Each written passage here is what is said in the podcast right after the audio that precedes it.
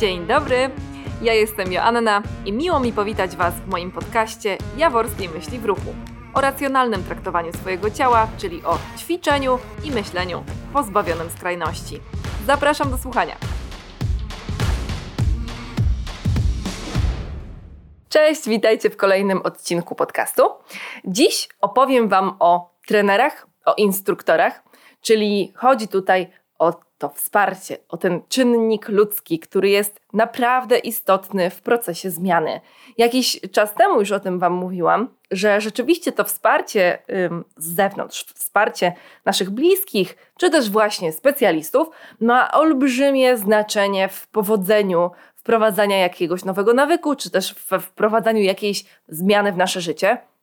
No, wynika to z tego, że no, taka jest nasza psychika, tak? Czyli potrafimy mieć y, cały zasób wiedzy, dosłownie mieć przestrzeń, możliwości do realizacji jakichś działań, natomiast bez wsparcia z zewnątrz, to ma dużo mniejsze szanse, żeby się powieść. Chociaż nie jest tak, że to się nie uda, bo są osoby naprawdę zmotywowane i działające w pojedynkę, ale musicie przyznać, że zawsze jest ktoś, kto jeśli nie wspiera codziennie, cały czas i jest do słuchania o naszych rozterkach, no to gdzieś czasami wesprze nas chociażby merytorycznie i to już rzeczywiście bardzo pomaga. Chciałabym, żebyśmy skupili się dzisiaj na zarówno trenerach personalnych, jak i na instruktorach fitness, bo wiem, że nie wszyscy na pewno macie do, doświadczenie we współpracy z trenerem personalnym, aczkolwiek prawdopodobnie i przypuszczalnie większość z Was natknęła się na jakieś zajęcia grupowe kiedykolwiek.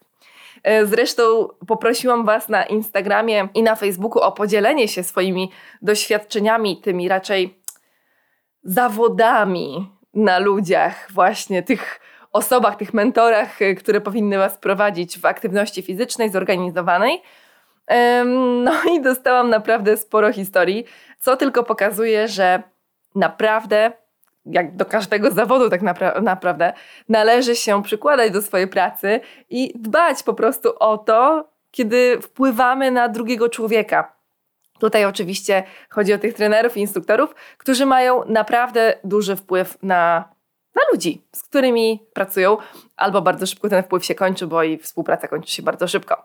W dzisiejszym odcinku dowiecie się przede wszystkim właśnie o tych różnicach między trenerem personalnym a instruktorem fitness, jak to działa, w ogóle o takich. Mm, o takiej ścieżce może rozwoju, trochę o specjalizacjach, pokrótce, ale chciałabym zrobić Wam taki wstęp, żebyście mieli jako ci odbiorcy tych usług szersze spojrzenie na to w ogóle, czym zajmuje się taka osoba i skąd się to bierze. Natomiast najciekawsza rzecz będzie w samym środku podcastu i na koniec, bo po pierwsze chciałabym Wam powiedzieć o takich pułapkach, jeśli chodzi o podejmowanie się współpracy, o tym, kiedy powinna Wam się zapalić czerwona lampka, kiedy kierujecie się do takiego na przykład trenera personalnego czy instruktora i że coś tu jest jednak nie tak i może warto tą współpracę przerwać, czy też ją wyjaśnić. Zazwyczaj jednak przerwać. No a na sam koniec chciałabym Wam powiedzieć, jak wybrać trenera. Jak y, najskuteczniej dobrać do siebie osobę, z którą będzie nam się po prostu dobrze współpracować, tak żeby nie utopić swoich pieniędzy bez sensu. To jest bardzo ważne, bo no wiecie, trener i instruktor to są tylko ludzie. I tu nie chodzi o to, że tylko to wykształcenie jest ważne, bo to nie jest prawda. Bardzo ważna jest osobowość i ważne jest to, żebyśmy dobrze się dopasowali do tej drugiej osoby. I potrafi być świetny specjalista, naprawdę wspaniale wykształcony, o bardzo dużym doświadczeniu, ale nam jednak to nie będzie szło. I chcę na samym wstępie zaznaczyć, że to jest bardzo ważne, żeby po prostu może rezygnować z takiej współpracy, czy też właśnie szukać dalej, nie, nie zrażać się, bo są różne. To samo dotyczy na przykład, e, nie wiem, psychoterapii, tak? Czyli ten terapeuta też powinien być osobą, z którą nam się po prostu dobrze rozmawia. Bo zwróćcie uwagę na to, że zarówno z trenerem personalnym, tutaj przede wszystkim, ale z instruktorem fitness zajęć grupowych, jeśli chodzimy częściej niż raz w tygodniu, dwa, trzy, czasami jeszcze nawet więcej, ważne jest, żeby była taka więź, taki, wiecie, po angielsku connection, żeby dobrze nam się z tą osobą spędzało po prostu czas, bo tego czasu spędzimy z nią naprawdę dużo. Ma to być dla nas po prostu przyjemne. Z drugiej strony chciałabym Wam zaznaczyć też, że właśnie trener, jak i instruktor, ci ludzie są po prostu ludźmi. My, bo mogę tak powiedzieć, bo jestem trenerką, instruktorką, kiedyś byłam, zaczynałam, tak? Przeszłam dalej, uważam, że to jest etap ewolucji, yy, zostanie trenerem personalnym. Jesteśmy tylko ludźmi i też mamy prawo popełniać błędy. I to, że jakiś tam błąd popełnimy przy pojedynczym kliencie, okej, okay, on może przekreślać kilka współprac, bo ta osoba na przykład nas nie poleci albo powie wprost, nie idź do niej, do niego, bo mm, no, to nie jest dobra współpraca. Ale no, to jest też nabywanie w jakiś sposób doświadczenia. Czasami to będzie po prostu, wiecie, spina na poziomie emocjonalnym, y, na poziomie poglądów i, i tym podobnych. Czasami po prostu charakterologicznie, a czasami po prostu ta współpraca odbędzie się w złym momencie życia i zarówno jedna strona, jak i druga strona po prostu się nie dogadają. Hmm, no to tak, na wstępie. Teraz różnice. Kim jest trener personalny, kim instruktor fitness? Trener to jest osoba, która pracuje indywidualnie, jeden na jeden, jeśli chodzi o zajęcia takie sportowe, rekreacyjne. Może to być oczywiście też dwa na jeden, tak, bo bywają takie zajęcia, gdzie jest para ćwicząca z trenerem personalnym. Trzy na jeden, okej, okay jeśli ktoś jest naprawdę dobrym ogarniaczem, albo ci klienci są na nieco wyższym poziomie takim zaawansowania, że tak powiem, spoko. E, myślę, że jest to do ogarnięcia.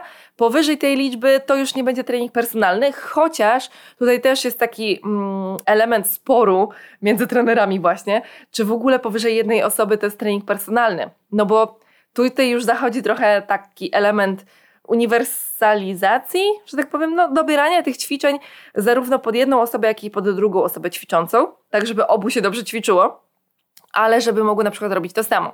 Chyba, że ktoś daje różne ćwiczenia jednej i drugiej osobie, poświęcając ten czas, y, tą samą godzinę tym obu osobom. Jest to do, do zrobienia, ale muszę tu zaznaczyć, że to nigdy nie da takiego efektu jak praca jeden na jeden. I tutaj chodzi o różne aspekty, nie tylko ten aspekt czysto fizyczny, ale też taki metafizyczny, czyli to połączenie się um, głów, praca na emocjach, praca taka, e, właśnie to wsparcie, tak, na wyższym trochę poziomie, bo inaczej się otwieramy do tego trenera i trener otwiera się trochę inaczej na tą osobę, kiedy jesteśmy w pojedynkę. Te rozmowy są bardziej szczere, bardziej otwarte, a dużo się rozmawia podczas treningów, zazwyczaj, bo nie zawsze. No wiecie, no chyba, że jest takie otoczenie, na przykład taka siłownia sieciowa, na przykład, gdzie jest bardzo dużo ludzi i tak się nie da pogadać na żaden personalny temat, no to jakby tutaj odpada ten element. Okay, dalej. Wykształcenie. E, taka osoba, jak trener personalny, przede wszystkim E, może e, uzyskać wykształcenie na studiach, studiach na przykład na Akademii Wychowania Fizycznego, czy też podobnych uczelniach, które uczą o aktywności fizycznej, tak? o zdrowiu, ogólnie pojętym zdrowiu. Ja osobiście na przykład robiłam na AWF-ie warszawskim specjalizację z trenera personalnego i ona była na studiach magisterskich, trwała cały rok. No i wiecie, też miałam takie dosyć dobre podstawy wiedzy merytorycznej z anatomii i fizjologii człowieka z poprzednich lat studiów, no bo to było pięcioletnie studia. Ale y, chciałabym zaznaczyć, że to, że ktoś na przykład, jakiś trener skończył kurs, ale nie skończył studiów, to nie robi z niego gorszego trenera. Bo są w tej chwili, szczególnie na rynku, kursy, które naprawdę super kształcą takich trenerów. To są zjazdy, to potrafi być kilka semestrów. To owszem, jest kurs weekendowy, ale nie jedno weekendowy to bywają kursy wieloweekendowe o bardzo szerokim spektrum, o bardzo dużych wymaganiach tak naprawdę merytorycznych i co więcej może się zdarzyć tak, że taka osoba, taki trener po AWF-ie może mieć na przykład gorsze wykształcenie, czyli mniejszą wiedzę niż taka osoba po takim kursie naprawdę angażującym. Zatem to jest owszem wykładnik, no bo nie możemy powiedzieć, że nie bo chociażby takie studia na AWF-ie zajmują się dużo szerszym aspektem niż tylko anatomia i fizjologia. Tam jest też psychologia sportu i socjologia aktywności fizycznej. Miałam też nawet filozofię, która była dosyć absurdalna i była takim, wiecie, pogromem i przesieniem studentów. Straszne to było traumatyczne przeżycie, ale też jest ta filozofia aktywności fizycznej. Pozdrawiam serdecznie pana profesora Kosiewicza. I ym, no, to jest szerokie spektrum Aczkolwiek, no, to też jest bardzo indywidualne, że tak powiem, jak taki student e, tą wiedzę po prostu przyswoi. Poza tym są kursy jedno-weekendowe na przykład. No, one nie dają zbyt dużej dawki wiedzy, że tak powiem, a też bywają takie osoby, które na podstawie takiego, takiego kursu już wychodzą z ofertą treningów personalnych. Można też zrobić jakiś taki kurs, wiecie, w sieciowej siłowni. Teraz jest ich chyba mniej, albo ich w ogóle nie ma tych szkół, ale kiedyś były na pewno i mm, no to też nie było zbyt, y, że tak powiem, wymagające od y, ucznia. Można kupić licencję w sieci, czy też zaświadczenie w sieci, w internecie, na Allegro y, za stówkę na przykład. No i jest jakiś tam papier, ale można mieć też zerowe wykształcenie. Można opierać swoją wiedzę na wyłącznie doświadczeniu, czyli na przykład schudłem sobie, to nauczę innych jak schuść. jak schudnąć oczywiście. I to jest też jedna z doświadczeń z moich odbiorczyń, która napisała mi o tym doświadczeniu, że rzeczywiście chodziła na takie zajęcia do typa, który po prostu schudł bardzo dużo i wymyślił sobie, że on teraz będzie innym pokazywał jak schudnąć. I oczywiście ta aktywność fizyczna i te zajęcia były oparte wyłącznie na tym, żeby po prostu palić jakieś niebotyczne ilości kalorii, czyli był to za przeproszeniem zapieprz, który no to nie jest na pewno indywidualne podejście i tym samym to nie daje tak dużego spektrum korzyści aktywności fizycznej, jak daje ta aktywność dobrana właściwie pod daną osobę i skoncentrowana nie tylko na tym, żeby po prostu, wiecie, się spocić. To dosyć płytkie myślenie. Instruktor fitness z kolei to jest osoba, która ma wykształcenie przede wszystkim do prowadzenia zajęć grupowych. I takiego instruktora fitness też można zrobić specjalizację na AWF-ie. Można też ukończyć e, płatny kurs, e, kilku weekendowy. Ja taki kurs zresztą kończyłam, bo chciałam regularnie z innym instruktorem, którego kończyłam na poziomie licencjackim nas w ramach studiów. No on był dosyć niespotykany na rynku, bo to by chodziło o rekreację seniorów. No to równolegle zrobiłam taki płatny kurs instruktora fitness i był naprawdę w porządku. Także różnie to wygląda. Nie wiem natomiast jak bez tej podstawy wiedzy, którą ja miałam idąc na taki kurs. Ale myślę, że to jest e, analogiczna sytuacja do trenera.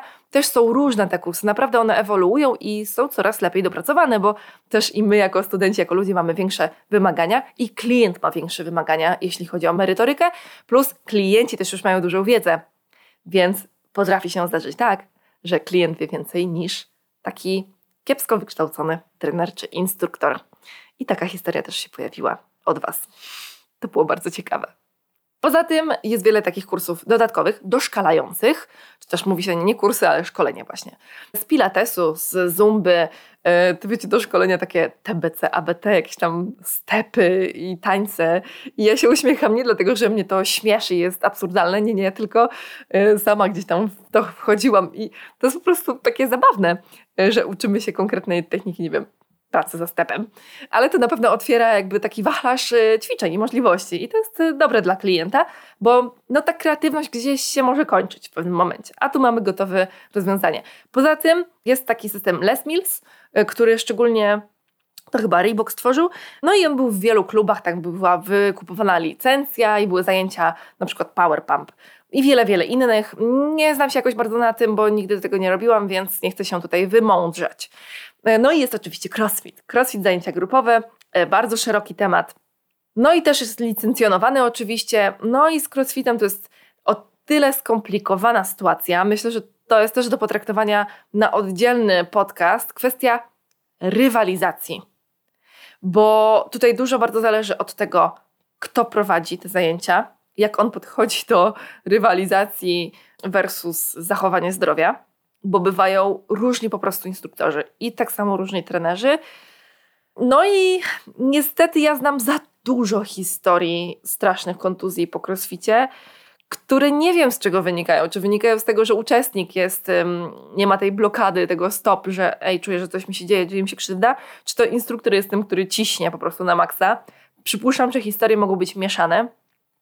No i ten system rywalizacji jest fajny, bo jest bardzo motywujący, tylko właśnie no, z drugiej strony, do czego on może doprowadzać? Trudny temat, może rzeczywiście na inny odcinek, może do dyskusji, do rozmowy z jakimś psychologiem, tutaj właśnie na kanale, na temat rywalizacji w aktywności fizycznej rekreacyjnej. No ale nie chciałabym zamykać tych dwóch grup, trener personalny, instruktor, na tym kończyć, co już powiedziałam przed chwilą, bo są jeszcze też takie powiedzieć można osoby pośrednie, czy też nie do końca zdefiniowane, czy też wykonujące właśnie różne z tych specjalizacji. Na przykład fizjoterapeuci. I to jest świetna grupa ludzi, bardzo dobrze wykształconych, o, po bardzo trudnych studiach i często z dodatkowymi, bardzo kosztownymi kursami. I ci ludzie czasami idą właśnie tak bezpośrednio w ruch. Niektórzy zajmują się terapiami manualnymi, technikami itd., tak a niektórzy idą konkretnie w ruch, na przykład w trenera personalnego. Zwykle jest to trener jednak personalny, bo tu mamy większą kontrolę nad tą jednostką, nad tym indywiduum, które do nas przychodzi. I ta wiedza fizjoterapeuty jest bardzo pomocna. Poza tym są też na przykład instruktorzy jogi, gdzie yoga też jest olbrzymim, obszernym systemem. Bardzo często właśnie fizjoterapeuci są też joginami. No wiecie, to wszystko się przeplata.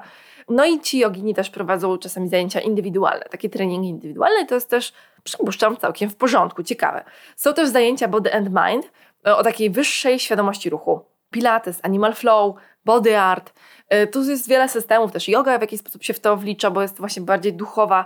I te zajęcia body and mind ponieważ bardzo bazują na takiej świadomości ruchu, też często te osoby są naprawdę super wyczytane, doczytane, jeśli chodzi o fizjologię, anatomię i biomechanikę ruchu. I ci ludzie często też mają trochę szersze e, spojrzenie, czyli wychodzą poza te kanony różnych wzorców ruchowych, osi ruchowych. Wiecie, to są takie schematy z tej biomechaniki i oni wychodzą troszeczkę dalej w eksperymentowanie. I ja nie krytykuję tego w żaden zły sposób. Uważam, że to jest fajne, to jest ciekawe, te eksperymenty i szukanie. Plus coraz więcej osób udowadnia, że tak naprawdę nasze ciało nie ma do końca takich barier i granic. To jest o tyle też temat do dyskusji, że zastanawia mnie, jak to jest, jeśli mamy na świeczniku taką osobę bardzo dużo siedzącą, w siedzącym trybie życia, skostniałą, może wiele lat siedzącą, czyli przychodzi do nas człowiek około 40 roku życia i chcemy mu wpleść w to wszystko ruch bez granic. Z jednej strony rozumiem, bo to jest bardzo prozdrowotne i fajne, ale z drugiej strony może na samym początku to generować jakieś e, no po prostu kontuzje przypięcia. No z jakiegoś powodu ta anatomia i biomechanika i biofizyka istnieją i nie uważam, żeby ci ludzie byli głupi i po prostu nie zauważali tego szerszego spektrum ruchu. Myślę, że to po prostu trzeba inteligentnie ze sobą spleść. Poza tym wszystkim mamy jeszcze trenerów sportowych, różnych specyficznych sportów, przygotowania motorycznego, sportów walki, trenerów na przykład od ciężarów. To są już specyficzne kategorie, które też mogą być potraktowane w sposób rekreacyjny. I ci ludzie też nierzadko właśnie bywają tymi wszystkimi poprzednimi, tak? Mogą zawierać się w tamtych. Także no, żebyście mieli świadomość, że często osoba, która mówi jestem trenerem personalnym, wcale nie na tym kończy się jej wykształcenie, jeśli rzeczywiście wiemy, że robi to od paru lat i no, okej. Okay.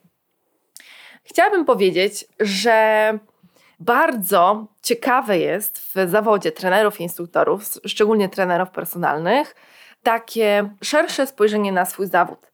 Czyli jest wielu trenerów naprawdę oddanych swojemu zawodowi, i te osoby często uczestniczą w szkoleniach, które poszerzają ich e, wiedzę, na przykład z programowania, czyli układanie treningu pod kątem tego, jak ma wyglądać jednostka logicznie, jak ma wyglądać plan treningowy w, szerszym spektrum, na przykład półrocza, jest bardziej usystematyzowany. Czyli nie układają tego treningu personalnego tak, że jest to wstęp, rozwinięcie, zakończenie, tak? czyli rozgrzewka, część główna, część kończąca, tylko jeszcze tam jest dużo więcej haczyków i kruczków na tym właśnie polega ten zawód. Poza tym są to szkolenia z treningu medycznego, czyli na przykład jest trener, to jest mój przykład, trener bez wykształcenia fizjoterapeutycznego, który kończy dodatkowo kurs medyczny, tak żeby ten ruch był rzeczywiście bardziej uzdrawiający, lekko zahaczający o fizjoterapię, ale nie przekraczający swoich e, kompetencji. Diagnostyka, czyli tak zwany screening, to jest to szkolenia o ograniczeniach ruchowych, o kompensacjach, o tym, żeby spojrzeć na takiego klienta, który przychodzi, patrzymy i widzimy, że tu jest krzywy, tu pracuje nie tak, jak chodzi, to stopa ucieka, kręgosłup jest wygięty za bardzo w tę stronę, w tamtą, mm, głowa tak i tak ustawiona. Jakby ta diagnostyka pozwala jeszcze bardziej zindywidualizować trening i to jest szalenie ważne, jeśli chcemy trenować długo, zachować swoje zdrowie i je poprawiać. Lub też nie zachowywać, bo jest zbyt kiepskie, więc po prostu je poprawić. Poza tym są też kursy z konkretnych technik, z ciężarów, właśnie z ketli, są kursy z motywacji, z coachingu. Bywają też trenerzy, którzy mają ukończoną psychologię i to jest świetne. Moja przyjaciółka jest tym przykładem. To jest naprawdę szersze spojrzenie jeszcze na człowieka. Jednak jest pułapka. Tu, tu, tu, tu, pierwsza pułapka. Zawód trenera personalnego, jak i instruktora fitness, jest zawodem nieregulowanym. Czyli ten zawód w żaden sposób nie jest sprawdzany, weryfikowany w naszym kraju. I ja nie chcę powiedzieć, bo to może zabrzmiało, że to jest bardzo złe. Bo szczerze mówiąc, dla mnie i dla wielu innych trenerów to jest dobre, bo unikamy jakichś zbędnych biurokracji i to jest w sumie dla nas korzystne. Jest z kolei niekorzystne i ryzykowne dla odbiorców. Bo niestety, ale możecie trafić na osobę nieodpowiedzialną. To może też być w zawodzie, tak? Bo w medycynie też spotykamy lekarzy, którzy mają jedną gwiazdkę na znanym lekarzu. No ale wiecie, że są po prostu nieodpowiedzialne. Jakby ten faktor takich umiejętności miękkich jest rzeczywiście kiepski.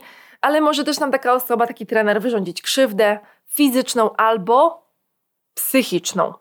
I chodzi mi tutaj o to, że krzywda fizyczna to jest po prostu kontuzja, tak? Czyli ktoś może nam stworzyć kontuzję, przeciążyć nas. Może dojść do gorszych kontuzji, do problemów z kręgosłupem, albo poprzez właśnie to, że jest sobie osoba, która powiedzmy zrobiła kursik jedno-weekendowy z trenera personalnego, nie ma żadnego wykształcenia pod tym kątem, może poczytała jakieś książki, ale bez przesady, bo podchodzi bardzo płytko do tego zawodu. No o, co to za zawód? Po prostu sobie stoisz, liczysz i mówisz człowiekowi, żeby miał, robił przysiady, bo ważne jest, żeby go zmotywować stojąc obok i krzycząc, co jest oczywiście nieprawdą. No ale bez takiego spojrzenia właśnie na tego screeningu, tej diagnostyki, bez tego spojrzenia na to, jak działa ludzkie ciało, a przypominam, że ciała są różne i nie mam na myśli tylko cięższe, lżejsze, ale chociażby proporcje korpusu do nóg, przysiad będzie u każdego inaczej wyglądał. Martwy ciąg będzie u każdego inaczej wyglądał. Nie możemy żądać, żeby każda osoba była po prostu jakby przeklejona z książki, bo te proporcje chociażby czy kości udowej do kości piszczelowej, czyli wiecie, powyżej kolana i poniżej kolana, potrafią być różne u każdego i to też ma wpływ na to, jak wygląda dany ruch. I jeśli taka osoba nie ma szerszego przygotowania, tylko każe komuś napieprzać, za przeproszeniem, ćwiczenia, no to może naprawdę wyrządzić dużą krzywdę. Z kolei ta psychiczna, to tu bardzo bym chciała zaznaczyć, że przede wszystkim chodzi o takie traumatyzowanie osoby trenującej. O to, że ta osoba, która ćwiczy, która na przykład zaczyna swoją przygodę, ma w sobie masę problemów, bo chcę zaznaczyć, że idąc do trenera już na konsultacji, na pierwszym spotkaniu, pierwsze co robicie, to przecież obnażacie się. Mówicie o swoich największych problemach.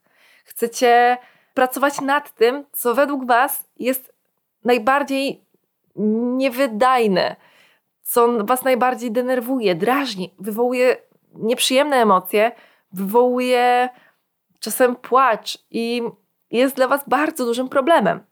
I kiedy jest trener, ten odbiorca nieczuły, niewrażliwy na Wasze potrzeby, który realizuje swoje własne podejście do aktywności fizycznej, a jeśli ta osoba jest bardzo wytrenowana, to dla niej ruch jest czymś normalnym, naturalnym, czymś, do czego jakby ta potrzeba ruchu dla niego jest po prostu jak tlen.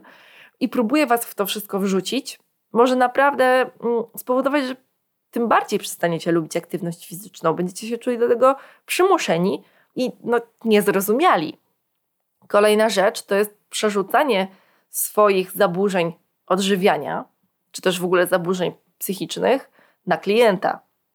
Pośród trenujących mężczyzn chociażby bigoreksja, tak? czyli ta potrzeba większych mięśni, większej klaty, większych barków i, i, i trenowania tych mięśni tak kulturystycznie, jakkolwiek, a nie, nie pod kątem sprawności fizycznej, to może się przerzucić na klientów.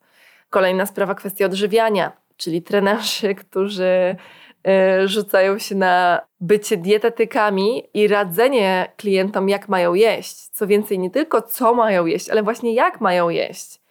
I przyciskanie ich do tego, że muszą liczyć każdy gramik, każdą kalorię, no i że bez tego sobie nie poradzą, albo że muszą odrzucić węglowodany, to jest też jakby wchodzenie w te wszystkie skrajne diety, pogłębianie tej kultury diety i psucie relacji z jedzeniem i psucie relacji z własnym ciałem.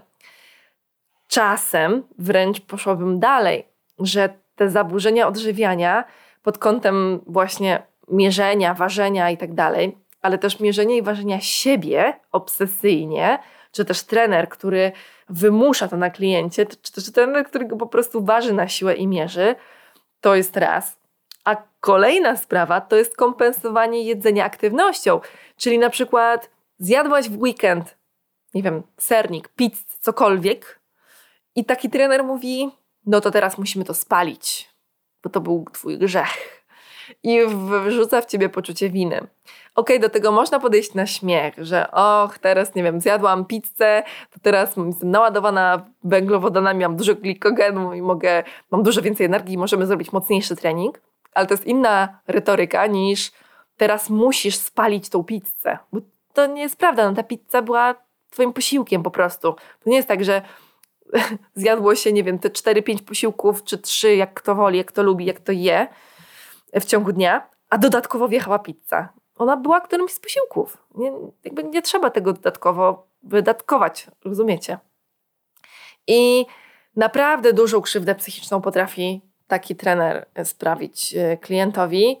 Tutaj chciałabym w ogóle Was odesłać nawet do filmu na YouTubie od Red Lipstick Monster. Ewa nagrała e, taki film który nazwała Toksyczny Trener, chyba jakoś tak to się nazywa.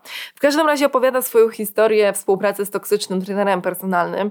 I dla mnie ta historia jest niemal mrożąca krew w żyłach, naprawdę, bo ten gość akurat posuwał się do niesamowitych rzeczy, znaczy niesamowitych w takim negatywnym wydźwięku, bo on pożyczał wręcz od niej pieniądze i ponieważ jest osobą Ewa rozpoznawalną, no to korzystał z tego i to było w ogóle dziwne. A oprócz tego, że już u podstaw po prostu traktował ją bardzo źle, no nieprofesjonalnie. I oczywiście ten trening w ogóle był jakimś treningiem z dupy, za przeproszeniem. I akurat jeśli chodzi o ten aspekt, dostałam kilka od Was wiadomości na Instagramie właśnie o tym.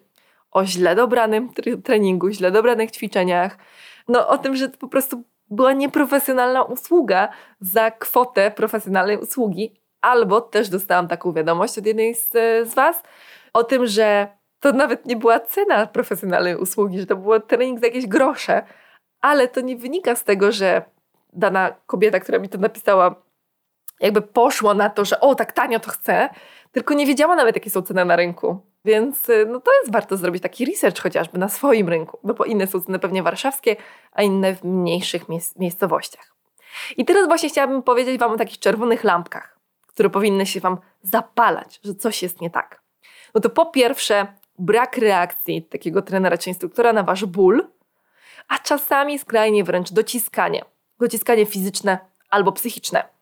Czyli boli Was coś, boli Was staw, kolano, mięsień, cokolwiek, już nie macie siły, a ta osoba na przykład podchodzi i wam dorzuca jeszcze ciężar, co jest absurdalne. I też dostałam taką wiadomość o tym, że trener cisnął dziewczynę, każąc jej dociskać, e, dokładać jeszcze więcej ciężaru, a ona mówiła, że to już nie da rady, już nie była w stanie, a on jej nadal dorzucał ciężaru.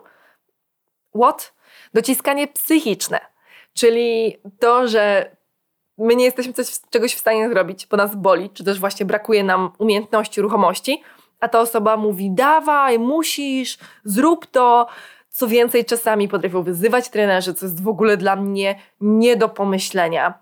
Jakimiś hasłami e, wyzywać od, od grubasów. W ogóle jak tak można? Ale niestety są takie patologie. Albo, tak jak napisała mi właśnie jedna z klientek, ta do rzucenia ciężarów, trener, który mówił do niej: No, dobrze, że masz pół roku do ślubu, to jeszcze zdążymy cokolwiek z tym zrobić mimo że ona chciała schudnąć jakieś 5 kilo raptem. Może nawet i mniej by jej wystarczyło. Może by jej wystarczyło po prostu się regularnie poruszać i poczuć się lepiej w swoim ciele. Ale on jej sugerował, jakby miała, nie wiem, teraz miała schudnąć jakieś 20 kilo. Wiecie, bo to jest też trochę przerzucanie swoich własnych kompleksów trenerskich na klientów. Złe. Kolejna czerwona lampka. Nie reaguje na sprzeciw wobec ćwiczenia. I to mi się zdarzyło też ostatnio. Przyszła do mnie dziewczyna na konsultację, powiedziała, że no, cały czas jej się napinają, napina biodro, cały czas ją boli. Była u fizjoterapeuty i fizjoterapeuta powiedział jej: Słuchaj, tutaj nic nie ma skomplikowanego, złego. Prawdopodobnie po prostu źle wykonujesz jakieś ćwiczenia. I przyszła do mnie, żeby po prostu podszkolić swoją technikę, bo chodziło na zajęcia grupowe, w tym wypadku akurat na crossfit, które po prostu źle, co, coś robiła źle, a ten instruktor nie miał czasu, możliwości przy tak wielu osobach jej poprawić. Okazało się, że na zajęciach no, rekreacyjnych, na które chodzi dwa razy w tygodniu, robili techniki dwubojowe, rwanie i podrzut, co jest no bez sensu, jest, jest po prostu niepotrzebne. To jest jakiś żart. Gdyby to jeszcze miała, były zajęcia z tego, rekreacyjne, to rozumiem. Ktoś jest ciekawy, chce się nauczyć, przyszedł, super. Ale kiedy dziewczyna chce po prostu się poruszać, być trochę sprawniejsza, a gość każe jej robić technikę dwubojową jeszcze na czas? Serio? What the fuck? No jeśli taka osoba właśnie nie reaguje na sprzeciw, bo ta dziewczyna powiedziała, ja nie będę tego robić, bo to jest dla mnie bez sensu, nie umiem, czuję się w tym źle, boję się tego ćwiczenia, a on ją na siłę na to namawiał i nie dawał alternatywy. Bo właśnie jest też taka sytuacja, że jeśli taki trener na sprzeciw nasz wobec ćwiczenia da nam alternatywę, to wszystko fajnie, bo on akceptuje nasze emocje, nasz stosunek i chce nam pomóc, żebyśmy czuli się lepiej. Wtedy pewnie w procesie, obserwując innych uczestników zajęć, z czasem podejmiemy się tego ćwiczenia i zrobimy je po prostu, bo się odważymy. No więc każdy potrzebuje swojego czasu. Kolejna rzecz czerwonej lampki to kiedy instruktor nie wie, po co coś robisz, czy też trener. Ty go pytasz po co, a on nie wie. I też taką wiadomość od was dostałam, że dziewczyna na rozciąganiu nie wiedziała, co się rozciąga. Jak ludzie pytali, to ona nie potrafiła odpowiedzieć. Bywają też trenerzy, którzy po prostu gadają farmazony. Czyli wy się zapytacie, po co? Nigdy tego nie zapomnę, słuchajcie. Jak słyszałam tą rozmowę obok. Trener jednej z sieciowych siłowni prowadził trening personalny i z klientką tego słuchałyśmy, kiedy ona go zapytała, a dlaczego martwy ciąg to martwy ciąg? Czemu tak się nazywa? A on jej na to powiedział, że no bo jak podnosisz ten ciężar, ciężar to czujesz jakbyś miała za chwilę umrzeć.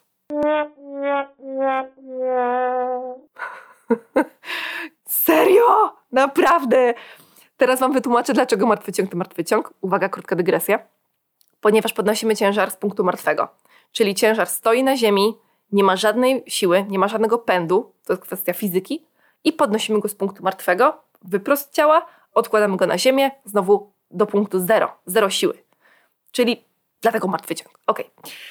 Kolejna sprawa to jeśli trener personalny nie zapytał Was, bo instruktor na zajęciach grupowych tego nie zrobi, często nazwa już to sugeruje, nie zapytał Was, po co chcesz trenować, nie zapytał Cię o Twój cel.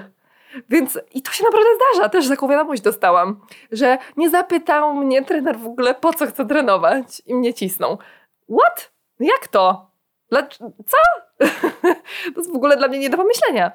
Kolejna sprawa to kiedy trener nie pyta cię o kontuzję ani o zdrowie. I o tym też mi napisałyście. Jak może trener nie zapytać was o to, jakie macie doświadczenie na siłowni? Czy w ogóle kiedykolwiek cokolwiek trenowałyście? I potem na przykład ustawia jakiś wam obwód stacyjny, ćwiczenia takie na stacjach, wiecie, że przeskakujecie z miejsca na miejsce, robicie dane ćwiczenie i nie jesteście w stanie robić tego ćwiczenia, bo po prostu nie macie tych umiejętności. I no, w ogóle rozmowa wstępna jest takim, taką absolutną podstawą do rozpoczęcia współpracy. To jest tak, jakby terapeuta nie zrobił z wami wywiadu na początku, nie zapytał was mniej więcej o dzieciństwo, jak, jak, jak to u was wyglądało, albo nie zapytał was w ogóle o problem. No więc, no nie. To jest po prostu bez sensu. Y, kolejna czerwona lampka, y, kiedy trener personalny czy instruktor jest po prostu burakiem. Mam tutaj na myśli takie zachowania, jak to powiedzieć, mężczyźni na przykład zachowują się jak takie koguty, chodzą i pokazują swoje wdzięki, swoje wielkie klaty. Panie chodzą, wypinają swoją pupę i mają was po prostu gdzieś. Też się pojawiła taka wiadomość od Was e, o zajęciach grupowych, kiedy instruktorka po prostu robiła sobie, realizowała swoją choreografię, podziwiała siebie w lustrze. i w ogóle miała w dupie to, co się dzieje za nią, to, że nikt nie ogarnia, może jedna osoba na jakieś kilkanaście osób na sali, też mi się trafiła taka wiadomość właśnie o tym, że 30 osób na sali, w ogóle absurd jakiś. No ale to już nie zależy od instruktora często, tylko właśnie od y, klubu fitness, który wpuszcza tyle osób. No i taki instruktor, czy instruktorka, czy trenerka patrzą tylko na siebie i tylko oni sami są ważni. I jeszcze wiecie, no na siłowniach jest dużo luster, są lustra na zajęciach grupowych, no więc jest pełne pole do tego, żeby się w sobie zakochiwać. no ale to jest wasza godzina, to jest wasz czas i ta osoba jest dla was. Proszę pamiętajcie o tym. Jeśli trener lub instruktor, czy też trenerka lub instruktorka są na wstępie już buractwem, nie podejmujcie współpracy, bo to się nie zmieni. Ta osoba prawdopodobnie będzie jeszcze gorsza. Pewnie z krótkimi momentami fajnej osobowości. Krótkimi. E, chciałabym też zaznaczyć jeszcze bardzo jedną ważną rzecz. Otóż odbieramy świat wzrokiem. Patrzymy. I to jest dla nas dominujący zmysł. I to jest ok, to jest wszystko fajne. Natomiast są takie dwa największe nieporozumienia podczas wybierania trenera czy też instruktora do współpracy, albo nawet zajęć w internecie, na YouTubie. Pierwsze nieporozumienie to jest myślenie: chcę trenować z nią lub z nim, bo chcę wyglądać tak jak on lub ona lub ewentualnie umieć tak ćwiczyć, tak robić jak on lub ona. To jest już trochę bardziej może z tymi umiejętnościami powiązane, może jest to możliwe, zależy w jakim stopniu takie umiejętności chcemy osiągnąć. No bo jeśli, nie wiem, jakiś trener, zatrzymajmy się przy ciężarach, podnosi 300 kg w martwym ciągu, no to może takiemu, nie wiem, Krzysztofowi, który trenuje dwa razy w tygodniu i waży 80 kg, to nie przyjdzie tak łatwo, ale może zdecyduje się trenować wiele lat i w końcu do tego dojdzie, no nie wiem, okej. Okay.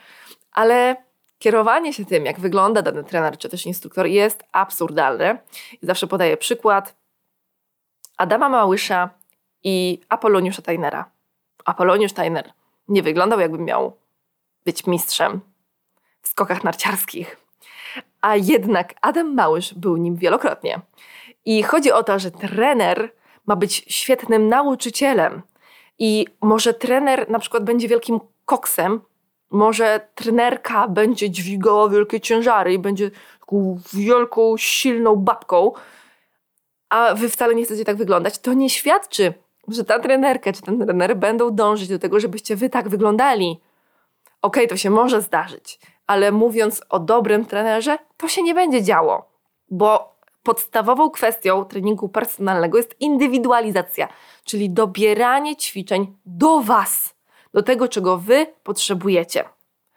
Dlatego proszę Was, nie kierujcie się wizerunkiem. Może on świadczyć z jednej strony na przykład o, nie wiem, zaburzeniach, tak, no bo, nie wiem, kiedy trenerka jest strasznie wychudzona, to prawdopodobnie ma jakiś problem e, z zaburzeniami odżywiania, a to jest po prostu bardzo częsty problem, dlatego o tym tutaj często mówię. Z kolei trener może być, nie wiem, nasterydowany, jakiś wielki, napuchnięty. Okej, okay, ani jeden, ani drugi faktor nie świadczy o tym nadal, że będzie ta osoba z Was próbowała to zrobić. Po prostu możecie być bardziej wyczuleni, bo też może być tak, że dziewczyna jest po prostu bardzo szczupła i takie osoby też są po prostu, tak? I nie ma w tym nic złego. Drugie, bardzo duże nieporozumienie to nie będę z nią ćwiczyć, z nim ćwiczyć, nie wybieram go, bo nie wygląda jak trener. I co to znaczy wyglądać jak trener? Słuchajcie, i tu nie chodzi mi o to, że ktoś jest, nie wiem, po prostu duży, w ogóle nie trenuje, nic nie ćwiczy, ale chodzi mi o to, to jest rzecz, która mnie dobija bardzo często, niestety w internecie, w komentarzach hejterskich, niestety zazwyczaj. I pierwszy raz trafiłam na to y, u Ani Mikołajczak.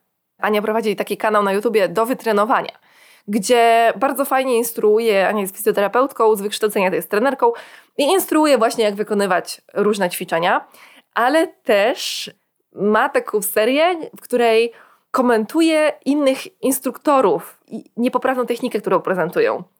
I można by to nazwać hejterstwem z jej strony, ale nie, to jest świetna robota, bo ona po prostu koryguje te błędy po to, żebyście wy sobie jako odbiorcy nie zrobili krzywdy, żebyście byli bardziej wyczuleni na to, bo niestety dużo takich osób w internecie popularnych nie ma nic wspólnego z wykształceniem i z poprawną techniką. I ona robi to, żeby wam pomóc, a dostaje zjeby za to, że nie jest odwodniona, jak dana instruktorka, którą krytykuje. I ludzie piszą, zdecydowanie wolałabym ćwiczyć z nią, z tą odwodnioną, wychudzoną, po prostu, której wychodzą wszystkie mięśnie na wierzch i ma super kracha na brzuchu, niż z tobą, tutaj domyślę z tą Anią, bo nie wyglądasz jak trenerka. A Ania jest super po prostu wysportowaną, zdrową dziewczyną, szczupłą przy okazji, przede wszystkim jest w ogóle nie, nie, nie jest jakaś, wiecie, nie ma nadwagi, jest szczupła, piękna dziewczyna, która po prostu dzieli się wiedzą za darmo na YouTubie. No więc nie kierujcie się też tym, że ktoś musi być odwodniony i, i wycięty, bo to też nie świadczy o wiedzy, zdecydowanie nie świadczy nawet o wiedzy, wręcz świadczy o takim o poświęcaniu własnego zdrowia dla fejmu, czy też po to, żeby po prostu mieć ciało niemal jak bikini fitness i kulturystki. Nie. Na końcu chciałabym Wam powiedzieć, jak wybrać trenera. Po pierwsze, kierujemy się poleceniem, bo nie ma lepszego y, sposobu, jak po prostu pójść do osoby, która jest przez kogoś polecona, która jest sprawdzona, wypróbowana i ta osoba ma doświadczenie współpracy jako klient właśnie z tą osobą.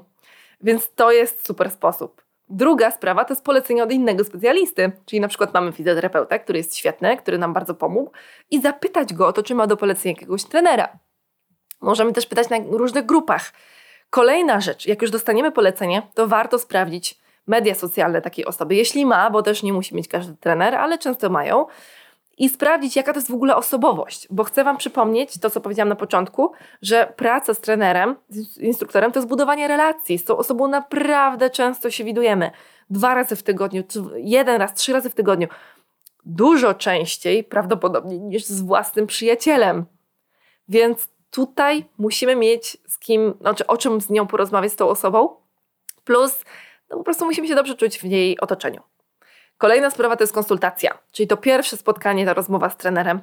Jak on z nami prowadzi tę rozmowę? Czy nas pyta właśnie o nasz cel, o nasze zdrowie, czy robi dobry wywiad z nami na temat tego, po co w ogóle chcemy trenować i na czym nam zależy. Czy tym samym dopasuje dobrze do nas trening? No bo jeśli nic o nas nie wie, no to jak ma dopasować? Na podstawie czego? Koloru oczu? No nie dajmy się po prostu oszukać tutaj.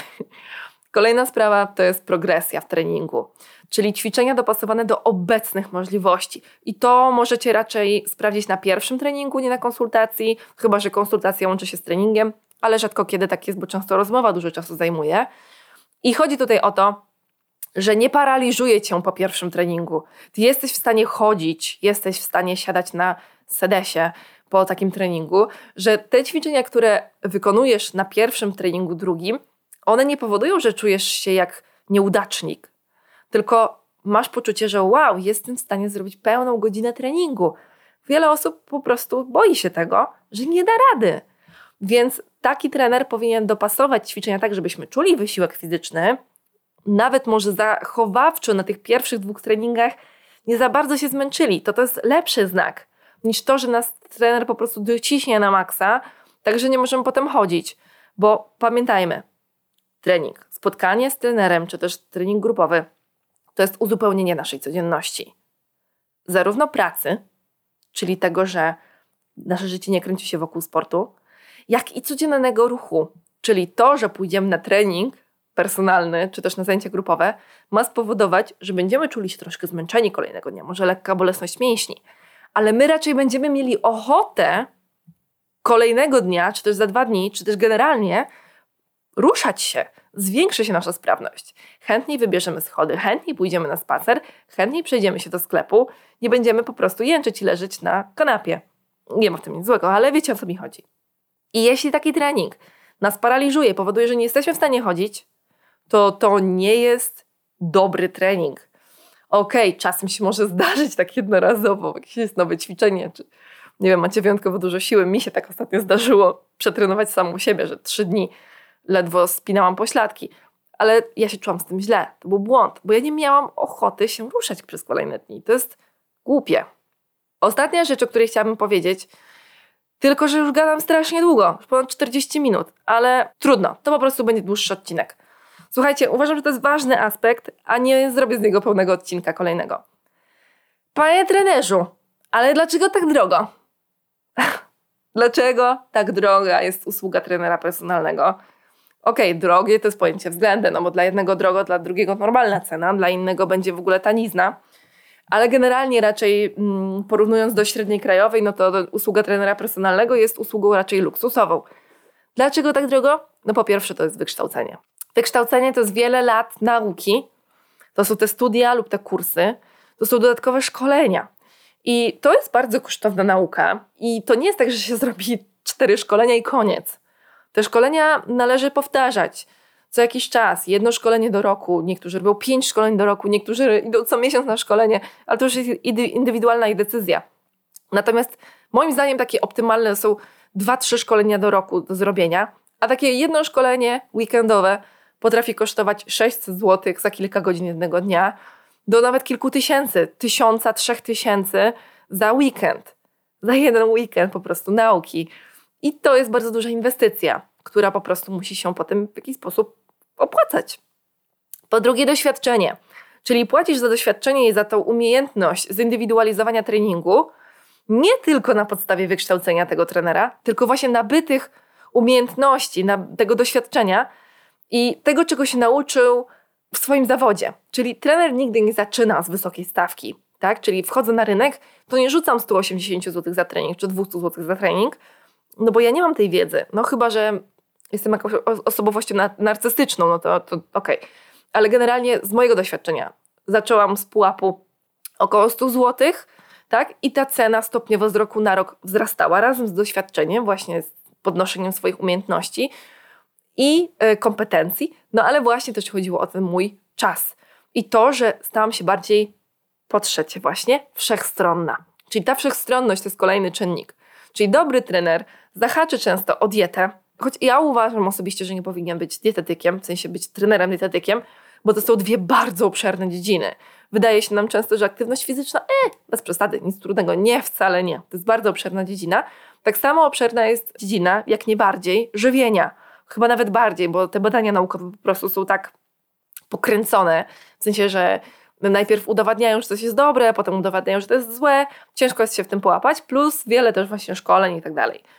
Pewnie są przypadki dobrego i trenera dietetyka, natomiast raczej rzadkie niż częste. Kolejna sprawa to tak wszechstronność, e, psychologia, tak? Zahacza o psychologię, zahacza o, o właśnie temat motywacji. Potrafi rozmawiać i być elastyczny do odbiorcy, do klienta. Poza tym ta wszechstronność, jeśli chodzi o zahaczanie aktualne nowiny, czyli taka osoba, taki trener cały czas się gdzieś tam doszkala, ale też doczytuje, czyli poświęca swój czas w to wszystko. Okej, okay, on lubi to robić, ale to jest praca. To nadal jest praca, a za pracę należy po prostu wynagrodzenie. Po czwarte, 100% czasu i uwagi, czyli taki trener na treningu personalnym daje ci 100% uwagi. Przyjmuje na siebie nieraz jakieś obciążające treści, problemy, wysłuchuje klienta, ale też tworzy relacje i się angażuje. Chodzi o to, że macie do porównania trenerów pewnie dosyć niedrogich w sieciówkach, którzy stoją z telefonem i w ogóle się nie interesują klientem. Mówią, co ma robić, a w telefonie sobie przeglądają różne tam rzeczy, Instagram. Yy, liczą powtórzenia tylko i tyle. Nie tworzą relacji, nie angażują się. A to jest po prostu energetycznie chłonne. No i to, jest, to się składa na ten koszt. Po piąte, to jest dostępność czasowa, elastyczność yy, takiego trenera, wypadki losowe, odwołania treningów Pamiętajcie, że trener zarabia wtedy, kiedy pracuje. Czyli jeśli jedziesz jako klient na urlop trzytygodniowy, to ten trener przez te trzy tygodnie na Twoich spotkaniach nie zarabia. I jakby ta cena składa się właśnie też między innymi na ten okres, żeby on, ten trener, przez te trzy tygodnie nie czuł się, wiecie, został z ręką w nocniku po prostu, no bo nie znajdzie sobie nowej osoby tylko na trzy tygodnie. No, a nie może ci też powiedzieć, że cię będzie liczył za te trzy tygodnie, bo to jest nieuczciwe. Więc dlatego ta cena jest taka wyważona. Po szóste, chodzi o taki kontakt raczej bez ograniczeń. Czyli no, mi się często zdarzy dostawać wiadomości w niedzielę albo w tygodniu o pierwszej w nocy. No okej, okay, o pierwszej ja już śpię, więc nie odpisuję. No ale właśnie chodzi o ten weekend, o to, że teoretycznie mogłabym rzucić komórkę, wiecie, gdzieś tam w kąt w piątek wieczór i wziąć ją w poniedziałek, no ale mm, no to mogłoby popsuć wiele współprac. Taki brak dostępności też właśnie w kontakcie. I teraz chciałabym zaznaczyć na, w odpowiedzi też na to pytanie, panie trenerze, ale dlaczego tak drogo? Że tu nie chodzi o to, że z tym trenerem trzeba współpracować teraz całe życie. Można pójść na jedno spotkanie, można zrobić jeden pakiet treningowy, albo można się nie decydować na taką współpracę, bo to po prostu też nie jest usługa dla wszystkich. Nie jest to usługa dla każdego. Mimo, że zajmuje się czymś codziennym i zwykłym, jak ruch, to po prostu nie jest dla każdego. Tak samo jak współpraca z dietetykiem nie jest dla każdego, tak samo jak współpraca z psychoterapeutą nie jest dla każdego. To jest po prostu decyzja klienta. Bardzo Wam dziękuję. Rozgadałam się okropnie i to jest chyba najdłuższy odcinek w całej historii tego podcastu. Dajcie znać, czy Wam nie przeszkadzało, czy w ogóle wytrwaliście do końca. Mam nadzieję, że tak. Nie przedłużając już, zapraszam Was do mailowania na podcast małpamyślwruchu.pl. Zapraszam Was na mój Instagram Myśl w Ruchu i Facebooka Myśl w Ruchu Joanna Jaworska. Zapraszam też do zapisania się na newsletter na mojej stronie www.myślwruchu.pl ukośnik newsletter. Będzie dużo fajnych rzeczy.